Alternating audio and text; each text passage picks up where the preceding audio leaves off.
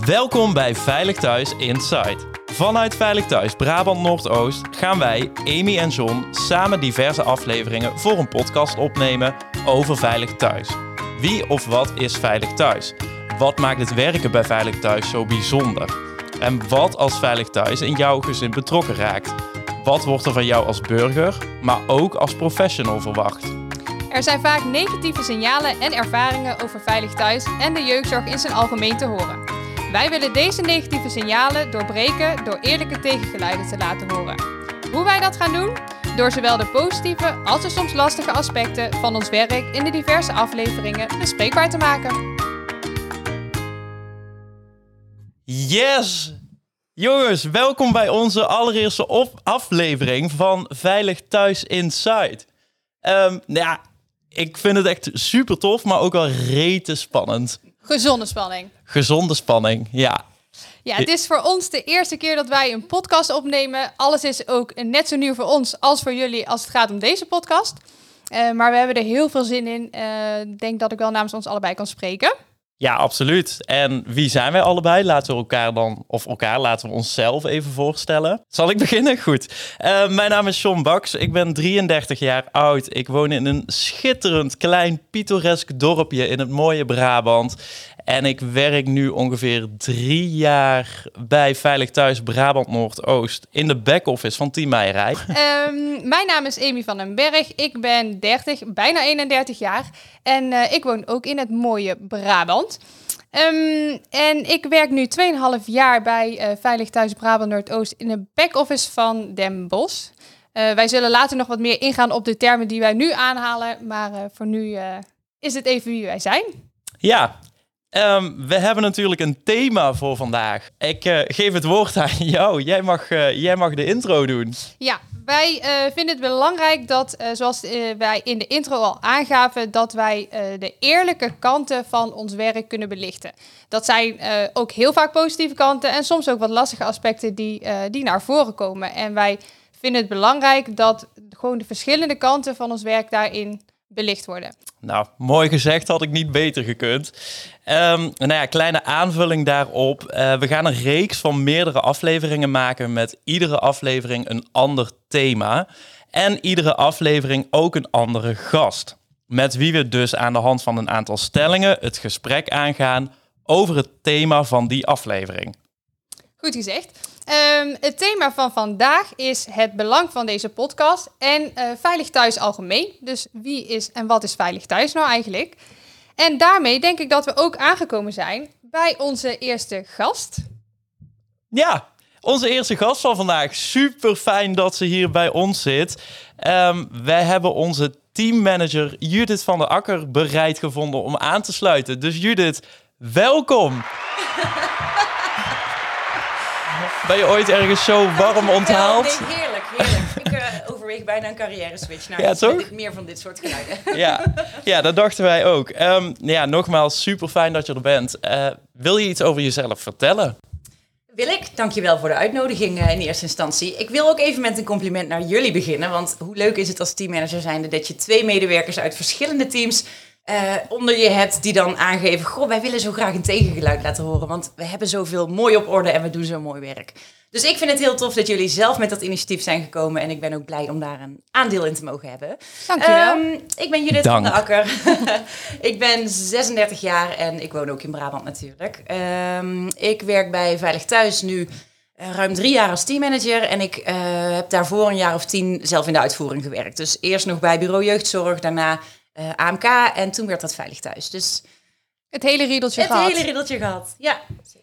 Nou, fijn dat je in ieder geval vandaag bij ons wil aansluiten. En ehm, zoals John net al vertelde, gaan wij deze podcast aan de hand van een aantal stellingen eh, invullen. En ik denk dat we maar gewoon bij de eerste stelling gaan beginnen. Laten we dat doen. Eh, ja, de stellingen.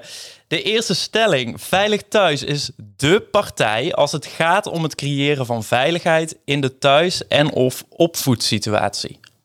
Hmm, en is het een eens of oneens of mag ik daar een uh, nuance in aanbrengen? Jij mag daar een nuance in aanbrengen. Zeker. Uh, ik denk ja, maar samen. Uh, wij kunnen het niet alleen. Veilig Thuis is denk ik bij uitstek het expertisecentrum als het gaat om het creëren van veiligheidsvoorwaarden. Hè. Dus daar waar situaties mogelijk onveilig zijn, kunnen wij uh, in beeld komen om te kijken wat er dan aan de hand is en wat daarvoor moet gebeuren. Maar wij zeggen in de volksmond vaak, het echte werk gebeurt pas na ons. Dus zonder partners om ons heen die uh, na ons het werk overpakken en echte hulpverlening ingaan, uh, zijn wij ook nergens. Dus, nou dat. Helder. Ja, je kan wel horen waarom zij teammanager is, hè? Het was een heel concreet, helder uitleg. Ja. En je gaf ook aan hè, dat uh, wij het niet alleen als veilig thuis kunnen doen en daarbij de mensen om ons heen nodig hebben. Zou je eens een voorbeeld kunnen geven van wie wij daarin nodig hebben? Ja, dat is heel divers natuurlijk. Hè? Maar wij hebben in, nou goed, wij noemen dat een casus natuurlijk, hè, als hier een melding binnenkomt. Maar om een gezinssysteem heen heb je meerdere partijen nodig als je echt wil werken aan structurele veiligheid. Want wij geven de eerste aanzet. Hè? Wij, wij proberen te analyseren wat is hier gaande en welke voorwaarden hebben we nodig om nou ja, naar die structurele veiligheid te gaan. Dat doen wij niet zelf. Dus in de ene zaak uh, heb je daar uh, heel laagdrempelige vrijwillige hulpverleningen nodig. Een regisseur soms, hè, die in de gaten houdt wat er allemaal speelt. Specialistische hulpverlening. Ja, allerlei vormen van maatschappelijke ondersteuning. Hè. Soms op financiën, soms op verslaving. Zoveel partijen die eigenlijk met z'n allen samen moeten werken om één gezinssysteem weer, weer op de rit te krijgen. Uh, als het gaat om het samenwerken met ketenpartners, daar gaan wij ook nog in een andere podcastaflevering op verder.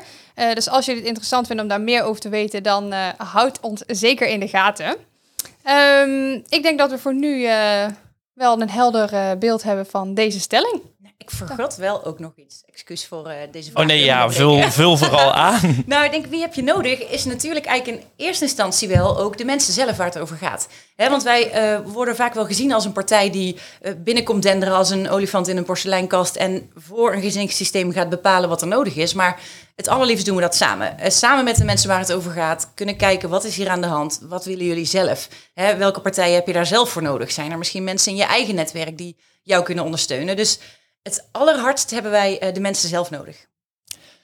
Ja, ja mooi gezegd. Um, heb je daarbij een voorbeeld van een casus die je ooit zelf hebt gedraaid of die jij als teammanager mee hebt gekregen, waarbij je die samenwerking heel erg had, maar ook een, een voorbeeld waarbij je die samenwerking dus totaal niet had, wat het eigenlijk dus heel moeilijk maakte? Die zijn er legio. En ook alles daartussenin. Want dit is eigenlijk zwart of wit. Hè? Je, mm -hmm. je hebt natuurlijk um, regelmatig, bijna vrijwel altijd, uh, dat mensen het niet fijn vinden als wij in beeld komen. Hè? Want als er een reden is voor Veilig Thuis om betrokken te raken, dan is dat niet zo fijn. Um, en daar waar direct betrokkenen op dat moment zelf snappen van, goh, het is hier niet goed gegaan en dat willen wij anders. Daar heb je de samenwerking. En daar kun je ook vaak sneller doorpakken hè? met, god, wat voor hulpverlening dan? En dan kun je het daarover eens worden. Zijn er mensen die uh, überhaupt overvallen zijn doordat wij betrokken zijn, is het soms wat lastig om de focus te leggen op wat er nou daadwerkelijk thuis aan de hand is. He, dan komt vaak eerst de. Uh, ik vind weerstand een vervelend woord, maar dan komt er vaak eerst even de onduidelijkheid over wat wij dan komen doen. En een ja. aversie soms tegen er komt zich nu iemand bemoeien mm. met ons terwijl we dat niet willen. Um, en dan maakt het wat, uh, wat lastiger. Ja, ja. Um, ik denk dat, dat we naar de volgende stelling kunnen. En dat is veilig thuis heeft een positief imago. ja, nee, hij is heel flauw hoor. Maar um, ja, we hebben deze erin gegooid omdat we zelf wel een beetje merken dat veilig thuis, maar ik denk de jeugdzorg in het algemeen ook negatief in het nieuws is en steeds meer negatief in het nieuws is. Ik weet niet of ik de enige ben die het zo ervaart, maar ik voel me de laatste tijd steeds vaker geroepen van. Oh, ze hebben het over mijn vakgebied. En um, ja, nu een voorbeeldje, Jo Jannik en de jeugdzorgtapes. Dat is natuurlijk heel negatief richting jeugdzorg. En dan voel ik me bijna zo van. Maar er is ook een andere kant. En ik sta hier iedere dag met passie te werken om, om zoveel mogelijk veiligheid te creëren bij de gezinnen waar ik kom. En ja, ik heb het idee dat er dan zoveel negativiteit in de media ontstaat. Ja. Ik denk ook wel dat het ook een stukje is jeugdzorg. Het gaat vaak over jeugdzorg, maar voor hoeveel mensen is het misschien ook onduidelijk wat valt er nou eigenlijk allemaal onder jeugdzorg? En wij worden als jeugdzorg gezien. Je hebt jeugdzorgorganisaties, hulpverleningsorganisaties die als jeugdzorg worden gezien. De Raad voor de Kinderbescherming wordt als jeugdzorg gezien. De jeugdbescherming wordt als jeugdzorg gezien. En het is, het is veel. En soms is het voor ons wel eens onduidelijk eh, in een andere regio hoe werkt het daar nou eigenlijk? En wat, hoe doen zij het en hoe pakken zij het aan? Ik kan me voorstellen dat als je als nou ja, burger zijn, als gezin zijn, dat je dan helemaal denkt van wat, is dit nou eigenlijk allemaal en wat doen zij en wie komt mogelijk mijn kind uit huis pakken? Uh, want dat is natuurlijk wat we vaak horen. Het is ook een ingewikkelde keten, hè, waarvoor we niet voor niks aan het zoeken zijn naar een toekomstscenario waarin dat wat eenvoudiger zou kunnen worden. Ja. Uh, en die term jeugdzorg vind ik ook altijd lastig als het gaat in relatie tot veilig thuis. Want wij zijn natuurlijk echt voor min 0 tot 100 plus. Ja. Uh, en het gaat niet alleen maar over kwetsbare jeugd, maar over iedereen die in een afhankelijkheidsrelatie zit. En ik was donderdag op een congres, daar sprak een ervaringsdeskundige die uh, zelf slachtoffer is geweest. En die zei, oh, ik heb zo'n hekel aan die term afhankelijkheidsrelatie, want ik voelde me op dat moment niet afhankelijk. Ik wil ook niet afhankelijk zijn, ik voelde mij sterk. dus, maar wij spreken wel met die term uh, om het te laten zien dat je niet alleen jeugd hoeft te zijn, wil je toch afhankelijk van een ander kunnen zijn en daarom uh, een instantie nodig hebben die voor jouw veiligheid gaat staan. Zou je een voorbeeld kunnen geven van naast, want wat je zegt, hè, dat is wel wat heel vaak wordt gezegd, dan hebben we het over jeugd en over jeugdzorg. Kun je eens andere voorbeelden geven van mensen of zorgen waar, die wij als Veilig Thuis zien als het gaat om afhankelijkheidsrelatie? Ja, nou, ik denk het gros wat hier binnenkomt gaat over partnergeweld. En al dan niet dus of de mensen kinderen hebben, ja of nee. En natuurlijk kijk je dan, hoe is dit voor de kinderen als er uh, partnergeweld speelt. Maar je hebt, die partners zijn ook afhankelijk van elkaar. Doordat ze samen een hypotheek hebben, nou ja, noem maar op. Um, daarnaast hebben wij veel rondom ouderenmishandelingen. Die zijn soms ook afhankelijk van een ander rondom financiën of wat dan ook. Ja, die kan je echt een legio uh, mogelijkheden benoemen. ja. Ja. En als het gaat even over die, uh, zijn we nou positief, hebben we nou een positief imago, dan denk ik dat ook over het algemeen niet. Ik denk zelf ook wel dat dat komt omdat um, de mensen die heel ontevreden zijn, zoeken daarvoor ook vaker een podium dan de mensen die wel tevreden zijn met ons. En wij doen ook een cliënttevredenheidsonderzoek doorlopend eigenlijk. En daar zien we gewoon een heel genuanceerd beeld. Hè, met een aantal mensen die natuurlijk wat vinden van onze dienstverlening. Um, maar ook een aantal mensen die gewoon zeggen: Ik ben echt goed geholpen en ik kan weer vooruit. Maar die mensen zoeken niet media op of die gaan niet dat hard roepen. Nee, Vaak ook door een stukje schaamte. Hè. Ik heb dus met Veilig Thuis te maken gehad. Dat roep je misschien niet zo makkelijk uh, ja, op een schoolplein tegen andere moeders of wat dan ook. Dus ik denk dat het klopt dat vooral de negatieve geluiden uh, in de media komen. Ja, nou ja, soms zijn mensen ook wel echt geholpen gewoon. Want ik, ik kan me nog een gezin herinneren waar ik uh, mijn eerste huisbezoek had. En waarbij de moeder van het gezin echt nou ja, in tranen helemaal trillend tegenover me zat. En echt zei van, oh, ik vind het zo spannend. Er kwam echt een brief van Veilig Thuis op de mat. En ik dacht echt, ik zorg zo goed voor mijn kinderen. En dat er echt, nou ja, een, een hoop angst, een hoop spanning zat. En gaandeweg het gesprek dat ze, dat ze na afloop ook echt zei van... Oh, maar je luistert wel echt naar me en je luistert wel naar mijn verhaal. En um, het is minder erg dan dat ik gedacht had. Ja. En die vind ik dan altijd wel heel fijn om te horen. Ik hoop altijd dat ik een fijne gesprekspartner ben en dat mensen hun verhaal willen delen met mij. En ik probeer er altijd blanco in te gaan, want een verhaal heeft altijd twee kanten. Maar ja, je, je merkt zoveel spanning en angst en weerstand wanneer de naam of het logo Veilig Thuis maar op de mat valt. Ja, maar goed, ik ben zelf ook moeder uh, en partner. Ik kan me dat voorstellen als een derde over mij een melding zou maken, dan zou ik dat ook heel spannend vinden. Ook al weet ik van mezelf dat ik eh, een goede moeder ben en een goede partner en we gewoon een veilige situatie hebben thuis, heb je toch het idee, ik moet me gaan verantwoorden. En dan is het maar heel spannend, wie krijg je tegenover je en neemt hij mijn verhaal serieus? Dus ik snap, wij, wij snappen met z'n allen hoe groot de impact is uh, op direct betrokkenen als daar een melding over wordt gedaan. Ik denk ook dat het, uh, als we het hebben over een stelling, dat het dan de volgende stelling een uh, eentje die hierbij aansluit. Dat is namelijk direct betrokkenen worden blij van een brief van Veilig Thuis op de mat. en uh, John, jij vertelde net al uh, dat je ook wel eens bij, bij iemand thuis bent geweest. en dat hij heel erg geschrokken was, maar dat je achteraf eigenlijk een heel fijn gesprek hebt gehad. Ja, Wat denk je dat ervoor heeft gezorgd? Wat heb jij misschien als professional heb jij moeten doen in zo'n gesprek? wil jij het omdraaien? Wil jij er iets positiefs van kunnen maken? Um, nou ja, ik denk heel goed luisteren. Luisteren naar wat degene tegenover jou te vertellen heeft. Maar ook, nou ja, er blanco ingaan. Er komt een melding binnen en dat is de ene kant van het verhaal. Maar je hebt ook altijd de andere kant van het verhaal. En um, ja, wij kunnen natuurlijk met de bottenbel erin gaan en zeggen: Yo, hey, dit is de melding die wij binnenkrijgen.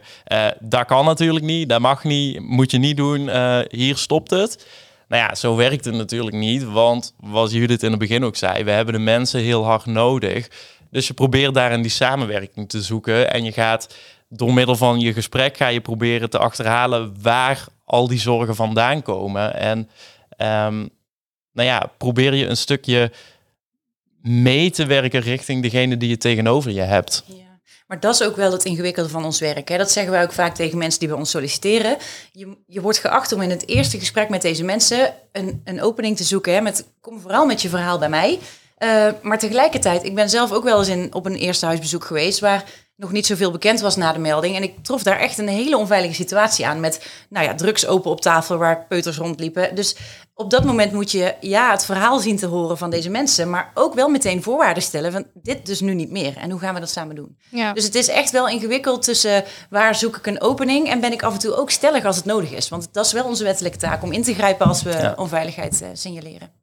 Ik denk ook wel een uitdaging. Want daar, je weet nooit waar je terecht gaat komen. Je weet nooit wie je tegenover je gaat hebben. Ehm, en ook, ik denk ook dat, ik, dat het wel belangrijk is, wat ik in ieder geval probeer in contact met mensen, is dat je ook gaat kijken. Wij hebben als Veilig Thuis, wat je zei, Judith, in de wettelijke taak om de veiligheid te waarborgen, om dat goed in kaart te brengen en te kijken wat er voor nodig is om dat te herstellen als er sprake is van onveiligheid. Um, dat is ook een soort van behoefte waarmee wij in gesprek ingaan. Maar ik denk dat de mensen met wie wij in gesprek gaan, uh, ook een behoefte hebben in zo'n gesprek. Um, en toen ik net bij Veilig Thuis kwam werken en ik gesprekken ging voeren, toen was ik vooral bezig met wat willen wij in kaart brengen. En we gaan daar vragen over stellen. Terwijl als het gaat om samenwerken, wat we eigenlijk heel graag willen, omdat het zo belangrijk is, is het ook belangrijk dat we helder gaan krijgen, ook in, aan het begin van zo'n gesprek, wat is de behoefte van degene met wie wij aan tafel zitten. En ik denk op het moment dat je daarin, dat je daarin elkaar hoort, dat je misschien ook een ander soort gesprek gaat hebben dan wanneer je heel erg gaat zitten op alleen wij vinden het belangrijk dat die veiligheid komt. Dus we gaan het op deze manier doen. Nou ja, en wat versta je onder veiligheid en wat heeft dan prioriteit? Hè? Ik herinner mezelf ook een casus van een, een meneer waar het helemaal niet goed mee ging. Uh, waar wij continu hamerden op dat er hulpverlening moest komen, uh, psychisch en, en op verslaving en wat dan ook. Uh, na heel veel tijd lukte dat niet goed. En kwam ook op tafel dat die man, die had nog geen geld voor een laptop of een telefoon of wat dan ook. Die kon niet eens de afspraken gaan maken. He, die had geen geld om met de bus daar naartoe te gaan. Dus voor hem waren er andere prioriteiten voordat hij kon beginnen überhaupt aan de thema's waar wij het over wilden hebben. Dus heel wat jij zegt, Amy, kijk samen wat er nodig is om, om stappen te kunnen zetten. Ja. Misschien een hele kritische vraag, hè? maar... Um als mensen het idee hebben dat er een medewerker voor hun neus zit die niet naar ze luistert. En zij komen dus bij de teammanager met het verzoek van, nou ja, hij gaat totaal voorbij aan wat ik zeg, of zij gaat totaal voorbij aan wat ik zeg. Um, ik wil graag een andere medewerker van Veilig Thuis, want hier kan ik helemaal niks mee. Wordt daar dan gehoor aan gegeven? Is ook geen simpel ja of nee. Soms. Eh, ik bel dan vaak even met degene waar het over gaat. En dan proberen we uit te vogelen waar zit het hem in. En als we dan concluderen, goh, het is de betrokkenheid van Veilig Thuis op zich, waar ze het niet mee eens zijn. Dan heeft het niet zoveel zin om te gaan wisselen. En dan wil je, wij proberen juist heel erg om één medewerker te koppelen aan één melding, hè, zodat je ook niet die versnippering krijgt, mensen niet drie keer hun verhaal hoeven te doen. Um, maar als het echt zit in de persoon, hè, met we hebben andere opvattingen of ik, ik durf daar mijn verhaal niet, uh, niet, te, niet te vertellen, dan zeker wel ja. ja, je hoopt natuurlijk niet dat het nodig is. Maar ik kan me wel voorstellen als ik, als ik mezelf daarin probeer te verplaatsen, dat als ik mijn verhaal niet kan doen aan iemand of totaal die ruimte niet voel, dat het ook wel ergens een gemiste kans is of zo. Ja, zeker weten. Wij proberen ook echt wel met. We hebben expertisegroepen bijvoorbeeld intern. Hè? Dus we hebben verschillende medewerkers zijn op verschillende thema's echt wel specialist. En we proberen naast die kennis uh, ook wel mensen te verbinden aan de soort meldingen die binnenkomen of zo. Ja, ja ehm, wat past bij uh, wat oudere mensen? Hè? Vinden, worden die blij nou ja, van een, een, een, jonge nieuwe medewerker? Of is het daar fijn om er een, een wat ervarener collega tegenover te zetten? Gaat het om jongere kinderen? Nou, moet je dan een, een man van 60 sturen of juist een jonger iemand? Dus we proberen wel bewust na te denken over wat mogelijk een match zou zijn, maar dat heb je niet altijd helemaal in de hand. Ja. Nee. Hey, en als je het over expertisegroepen hebt, waar heb je het dan over? Welke groepen zijn daar? Volgens mij kun jij daar zelf ook heel goed antwoord Ja. op geven. maar goed, ik vind, het, eh, ik vind het mooi om het bij jou neer te leggen. Ja, nee, dat is onder andere eh, eergerelateerd geweld, mensenhandel, seksueel geweld, complexe echtscheidingen, psychiatrie, eh ouderenmishandeling. Dat zijn eigenlijk de thema's die net wat andere kennis ver- vereisen dan de, de ja, regulier. Dat is een akelig woord. Maar de, de meeste meldingen bij ons gaan over partnergeweld of kindermishandeling.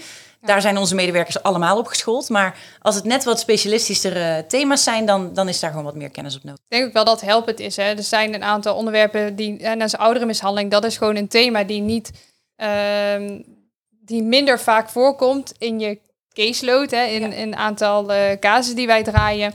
En dan is het gewoon fijn dat daar heb je met zoveel andere ook wetgevingen te maken. Dat het gewoon fijn is dat je iemand kan betrekken eh, die daar dan net wat meer van weet dan, eh, dan jij zelf. Ja, Ja, ik eh, denk dat we hem hiermee af kunnen ronden naar de volgende gaan. Yes. Eh, Trouwens wel even tussendoor, super fijn dit. Want ik was vooraf, nou ja, bang is een groot woord. Maar ik dacht wel even van, ja, we moeten natuurlijk wel een eerlijk beeld creëren. Maar ook wel een beetje die diepte in kunnen gaan. En ja, hoe erg kun je de diepte in als je maximaal zo lang de tijd hebt. Maar we zijn er best snel. zijn we er al? Nee, nee, nee, nee. nee. Nee, we zijn er nog zeker niet. Maar ik bedoel, we zijn best snel al diep inhoudelijk aan het praten met elkaar. Ja. Ja, fijn. Dus even een tussentijds complimentje voordat we verder gaan met de volgende stelling. Dankjewel. Dit moment was in mijn hoofd zoveel beter. Wacht, ik, eh, ik gooi hem er even in hoor.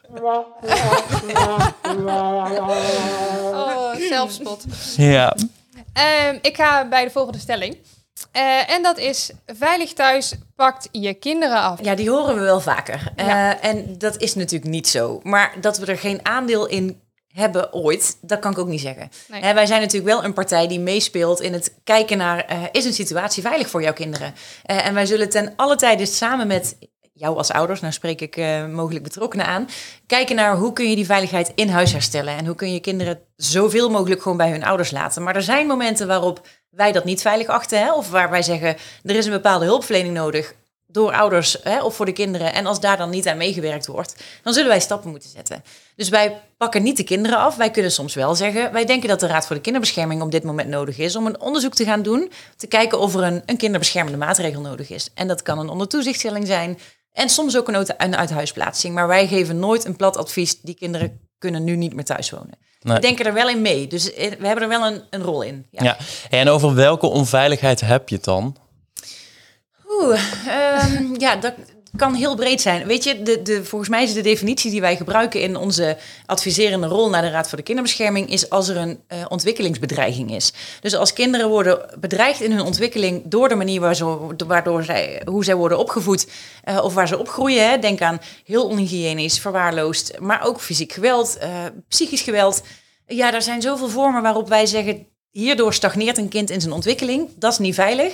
Ja, dat is eigenlijk een verzamelterm, maar het is misschien nog niet heel concreet. Nou, ik denk wel dat, want wat jij ook zegt, hè, het is natuurlijk niet heel zwart-wit van als er dit is, dan worden bijvoorbeeld kinderen uit huis geplaatst. Want kinderen die worden ook niet zomaar uit huis geplaatst. En er gaat nog zoveel, hè, vaak ook nog heel veel aan vooraf. Kijk, soms is het zo onveilig dat er acuut een besluit moet worden genomen. Maar zelfs dat is niet iets wat wij als veilig thuis zijnde eh, beslissen. Daar gaat altijd nog iemand, eh hè, daar gaat nog over allerlei andere schrijven, eh, voordat dat besluit überhaupt genomen wordt. En ik denk, hè, wat jij zegt, als het gaat om ontwikkelingsbedreiging, dat is vaak wel op het moment dat we niet met ouders op één lijn komen als het gaat om de nodige hulpverlening, of dat hè, is onvoldoende, of daar gaan ouders niet mee akkoord, eh, terwijl wij dat wel echt nodig achten, dan ja, kunnen het zogeheet opschalen naar de Raad voor de Kinderbescherming om te vragen of dat zij ook vanuit hun expertise een onderzoek kunnen gaan doen om te kijken, moet hier inderdaad een maatregel op? Ja. Ja, ja en soms zijn zij bij aanmelding natuurlijk ook al heel kritisch. En ehm, je hebt het dan over de beschermtafel. Daar overleg je dus met de raad, maar ook met de ouders. De zorgen die er zijn en waarom wij vinden dat er dan in het gedwongen kader iets nodig is. En de raad gaat dan ook wel heel goed uitvragen van is alles geprobeerd wat mogelijk is om de veiligheid op dit moment in het vrijwillig kader te herstellen. Dus wij gaan er natuurlijk ook nooit alleen over. Zeker niet. Nee, en ik denk dat de, de, er wel een soort misvatting bestaat af en toe. Hè, met ook of we kinderen nou afpakken of niet en wanneer is het dan onveilig, voelen eh, de ouders van deze kinderen zich vaak door ons veroordeeld of beoordeeld. Hè? Als in jij doet dit expres niet goed.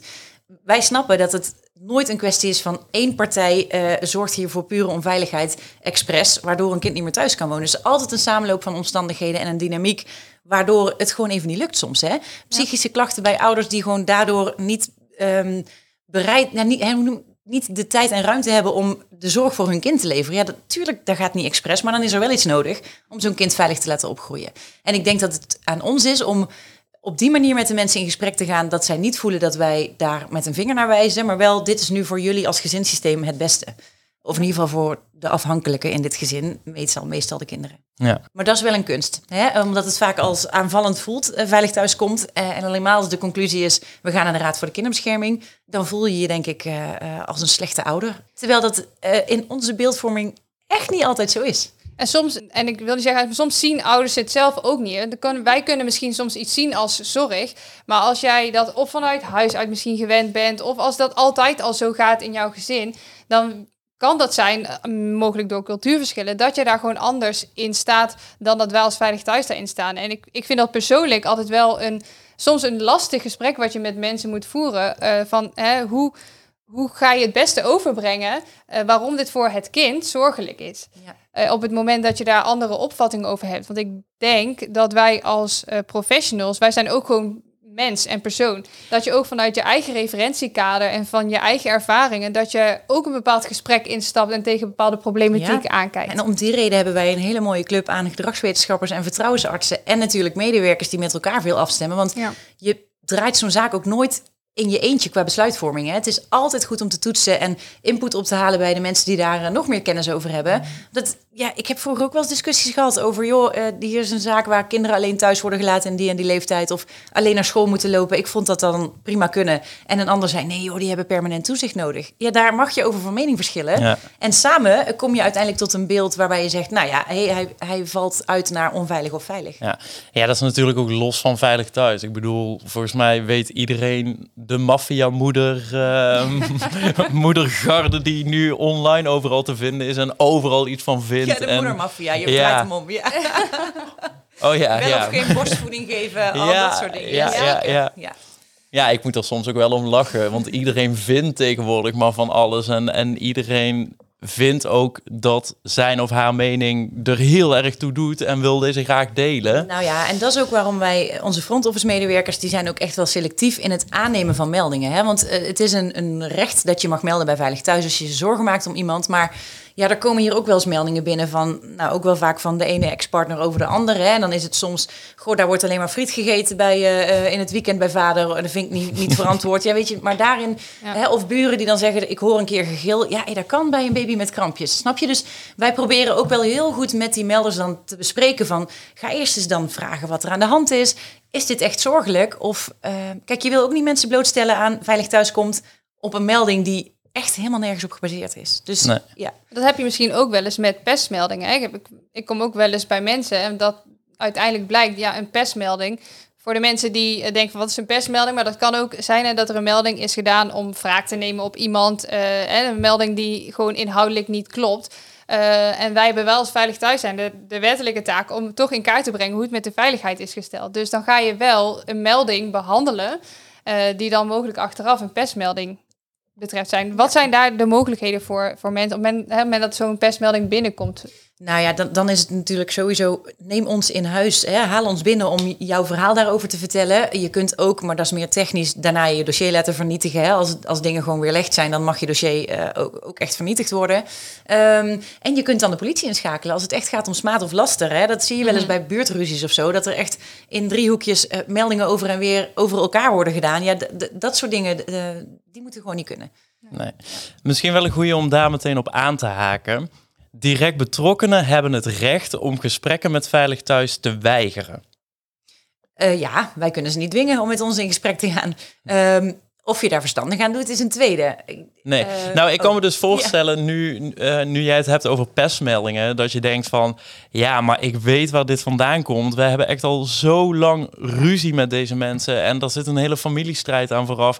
En moet ik me dadelijk ook nog gaan verantwoorden bij Veilig Thuis? Waar slaat dit op? Ga ik Ja. echt niet doen. Ja. Oh, ik kan me die neiging ook echt voorstellen. Ik denk dan wel, hè, als, we, als uh, mensen tegen ons zeggen... wij willen gewoon echt niet met jullie in gesprek, dus de deur blijft dicht. Ja, dan, wij kunnen niet zomaar zeggen... oké, dan zal het wel goed zijn, we sluiten deze, uh, dit dossier af. Dus dan gaan we bellen met nou, bijvoorbeeld de betrokken huisarts... of uh, de school van de kinderen, hulpverlening, net wie dan ook... om daar informatie op te vragen, om zo toch een inschatting te kunnen doen. Dus je mist dan de kans om je eigen verhaal daar neer te leggen. En wellicht blijft dat gekleurde beeld over jou dan dus toch in stand in ons systeem. Ja. Um, dus ja, je mag weigeren, maar ik zou dat zelf Ja, doen. doe je er heel goed aan? Nou, nee, niet per se. Nou, ik denk Ja. ook voor jezelf, wat ik ook vaak tegen mensen zeg als in zo'n situatie, want het komt natuurlijk best wel regelmatig voor dat mensen zo erin staan, ehm, dat ik dan ook zeg van, het- wij nemen meldingen ook niet voor waar aan. Nee. Ik vind dat een hele belangrijke om te benoemen. Iedereen mag een melding bij ons doen. En probeer ik ook uit te leggen. Jij zou ook een melding over de buren mogen doen of hè, net over wie.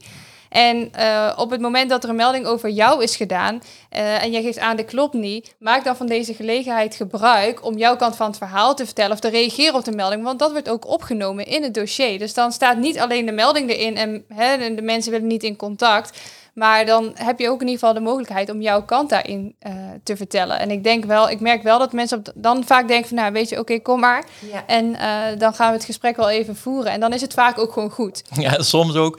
Kom maar, dan voeren wij de gesprek wel even. Zal ik wel even vertellen waarom het eh, hier gewoon allemaal goed gaat? Waarom jij niet hoeft te komen? Nee, en dan ook vooral, ga maar eens bij de buren kijken op nummer 13. Ja.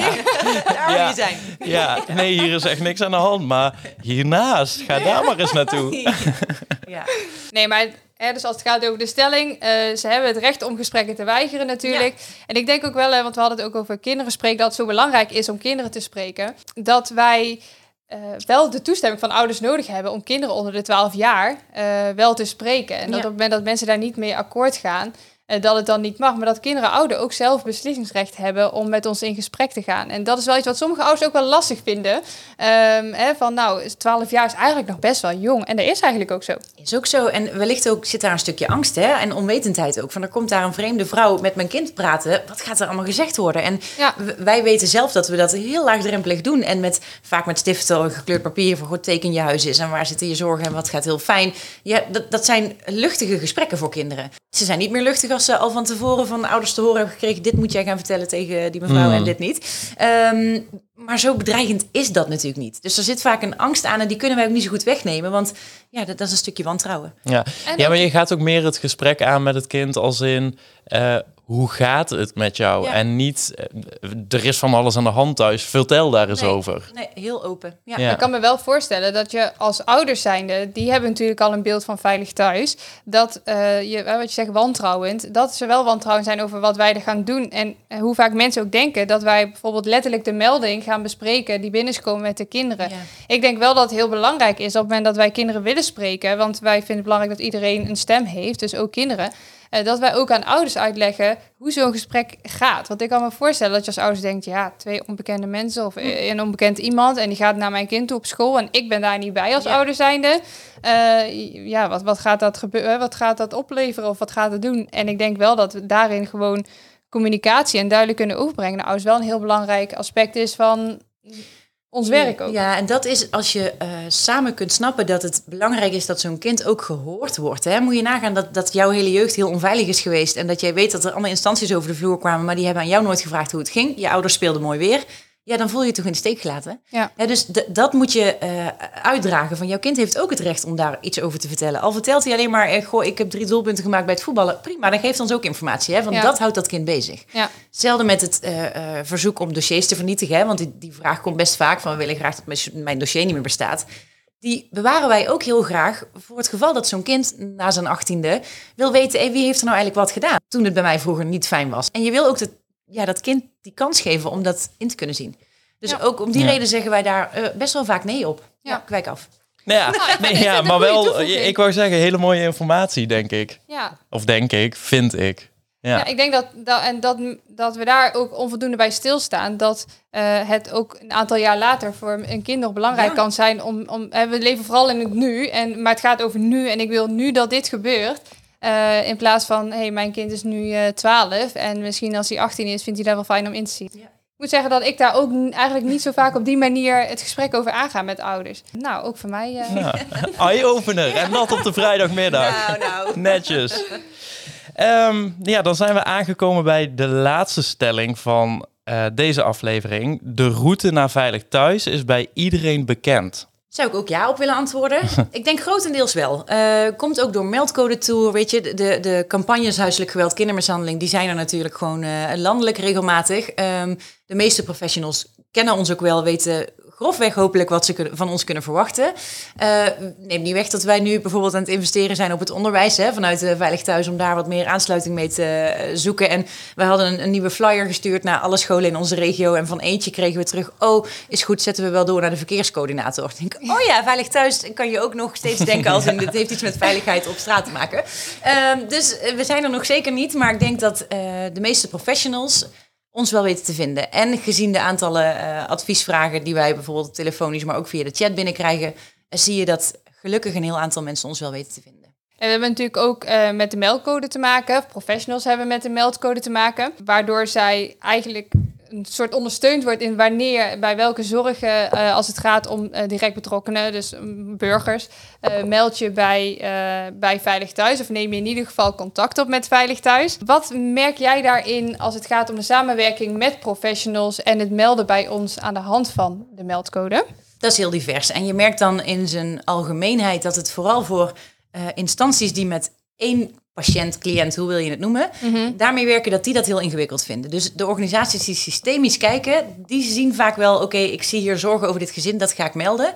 Maar organisaties zoals verslavingszorg, psychiatrie, die hebben vaak één patiënt hè, of een cliënt, uh, waar ze dan een behandelrelatie mee hebben. En daar, die hebben het ook alleen maar over die persoon. Ja. Hè, dus die, die doen soms wel een kindcheck of die vragen even, oh, zijn er ook problemen in de relatie? Maar je, ik denk dat er nog te weinig aandacht is voor uh, de blik naar het systeem en goh, de problematiek van deze meneer of mevrouw. Zegt hij ook iets over de veiligheid in het systeem? Al dus moet ik naar Veilig Thuis. Daar gebeurt denk ik nog te weinig. Ik denk wel dat het inderdaad bij heel veel professionals wel bekend is wie of wat Veilig Thuis is en wat wij doen en waarvoor ze ons in ieder geval kunnen benaderen.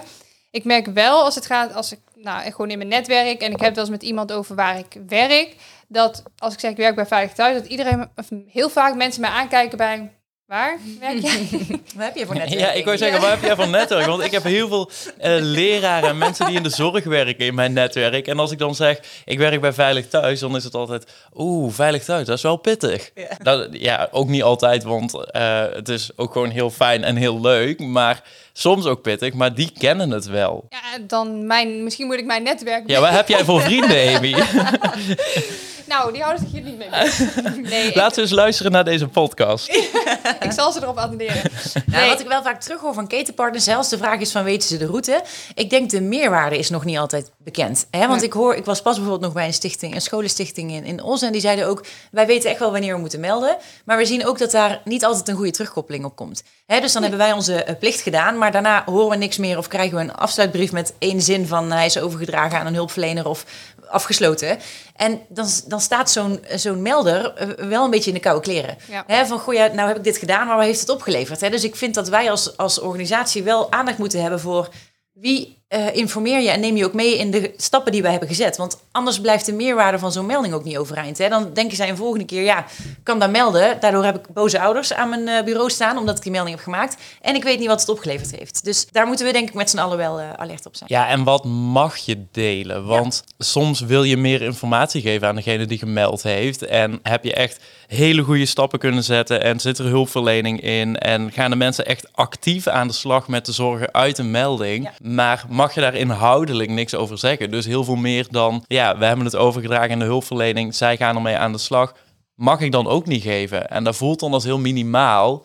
Maar ja, daarin heb je natuurlijk ook wel je, je, eh, beperkingen. Ja, wel. Maar ik denk bijvoorbeeld het noemen van onze conclusie. Hè, eh, eh, de zorgen zijn niet bevestigd, wel bevestigd of weerlegd. Dat is al heel helpend. Als zo'n school of welke partij dan ook weet... oké, ik heb terecht die zorgen gezien en Veilig Thuis zag die ook... dus er is een overdracht naar een hulpverlener... dan geeft dat dan een ander gevoel dan... we hebben het overgedragen. Snap je? Dan weten zij nog niet zo goed wat wij hebben gezien... of ze terecht Ja, hebben gemeld. Dus ik denk een stukje meenemen in... zonder in AVG-technische kronkels te komen... Ja, ja, denk precies. ik dat het voor hen anders, ehm, nou ja, wat ik al zei, die meerwaarde eh, moeilijk te zien is. Veilig Thuis wordt natuurlijk ook wel gezien als die organisatie die zonder toestemming van ouders informatie mag opvragen. Ja. Die we echt liever niet inzetten dan wel, hè, want je doet dat het liefst samen. Maar wij mogen ook informatie delen als wij dat van belang vinden. En Ja. natuurlijk moet je geen onnodige informatie gaan verspreiden aan, eh, nou ja, van de buurvrouw tot eh, de schoolbibliotheek. Maar dat je zegt, goh, er zijn hier zorgen om een kind of om iemand in een afhankelijkheidsrelatie. En het is van belang dat de huisarts daarvan weet, zodat die kan signaleren als het weer misgaat of wat dan ook. Dan moeten wij dat doen. Want Ja. waarom zijn wij anders veilig thuis om alle informatie die wij hebben alleen maar in ons eigen systeem te zetten? Ja. Ja, en dan eh, maak je eigenlijk weer meteen een hele mooie terugkoppeling naar de eerste. Eh, we hebben iedereen nodig. Ja, Ja. Wauw, zo is het cirkeltje rond. heel mooi. Mooi, hè? Nee, ja, nou ook gezien de tijd. Want ik denk dat wij hier echt nog uren over kunnen praten. Maar we hebben nog meerdere afleveringen ehm, nou ja, in de planning staan... waar we natuurlijk ook veel dieper op bepaalde specifieke eh, onderwerpen ingaan. Dus ik denk dat we de stellingen af kunnen ronden... en in gaan zetten op ons terugkerende item. De terugkerende item. En die heet de vraag van vandaag. Yes, de vraag van vandaag. Ehm, nou ja, eigenlijk is dus de bedoeling dat iedereen die te gast is een vraag bedenkt voor de gast van de volgende aflevering. En je vraag gaat dan over de aflevering waar jij zelf aan deel hebt genomen. Begrijpen jullie het allemaal? Ja, het is een heel warrig verhaal. Ik had Ehm, me er ook op moeten voorbereiden, besef ik me nu. Ja, ja, ja, ja, we hebben jou wel gevraagd om een vraag te bedenken voor de gast van de volgende aflevering.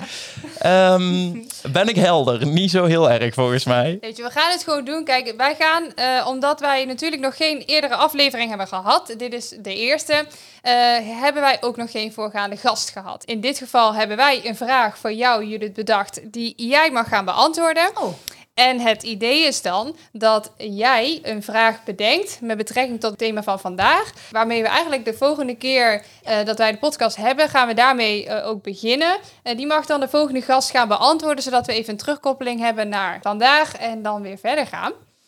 Eh, en de vraag voor jou, Judith. Wacht, wacht, wacht. Oh, De vraag van vandaag.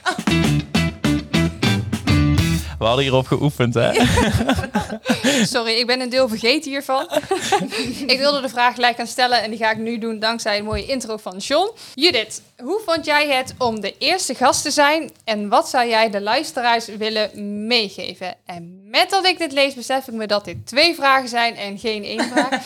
maar dat maakt niet uit. ik vond het echt een eer om jullie eerste gast te zijn. Ook spannend. Jullie weten allebei hoe snel ik praat. Dus voor mij is dit een opgave om eh, daarop te letten. Ik vond het heel spannend, maar ik vind het tof dat ik er onderdeel van mag zijn. Want het is een, ehm, nou, een uitdaging om Veilig Thuis wat positiever weg te zetten... en een wat genuanceerder beeld neer te zetten. Dus ik vind het leuk dat jullie mij daarvoor gevraagd hebben. Het tweede onderdeel van de vraag was... Wat zou jij de luisteraars willen meegeven? Luisteraars in zijn algemeenheid. Nou, Ja. schroom gewoon niet om je vragen of je opmerkingen te stellen. Wij zijn 24 uur per dag bereikbaar. Ook als er een melding over jou is gedaan. Als je zelf twijfelt of je een melding wilt doen. Als je niet blij bent met hoe wij jouw casus, jouw melding behandelen. Als je bij ons zou willen komen werken. eh, gewoon. Wij, nee, maar wij hebben allemaal echt hele vriendelijke, fijne medewerkers die, die aan de telefoon zitten. En al jouw vragen willen beantwoorden. Dus het- Ja, maar liever, vinden het- liever niet s'nachts. Nou, liever niet s'nachts, dat is waar. John die, die werkt bij ons de nachtdiensten. ik denk dat John lekker wil blijven slapen. Maar als Ja. er iemand belt die hier wil komen werken, dan mag die jou wel. Ja, zeker. En dan ben ik heel vriendelijk en dan gaan we gewoon lekker kletsen midden in de nacht. Ook dat komt goed. Ja. Maar goed, die, ik vind echt die drempel om ons te bellen ook gewoon voor advies, waar je dus helemaal niks hoeft te zeggen over, over wie het gaat. Hè. Kan je gewoon een situatie beschrijven. Wij denken mee, doe dat nou. Echt, de, nou ja, dat wil ik mensen op het hart drukken. Mooi. Yes. Heel mooi. Jouw vraag voor de volgende gast. Vraag voor de volgende gast. We- eh, en dat maakt natuurlijk niet uit wie de volgende gast is. Nee, Waar krijg jij energie van in het werken met of voor Veilig Thuis? Mooie Ik vraag. ga dan even ervan uit dat het een, om een ketenpartner gaat, een professional. Het gaat Heel mooi. inderdaad over samenwerken Ja. met ketenpartners. De, Oh, die- nou. Het thema is samenwerken Hey, met ik ben ketenpartners.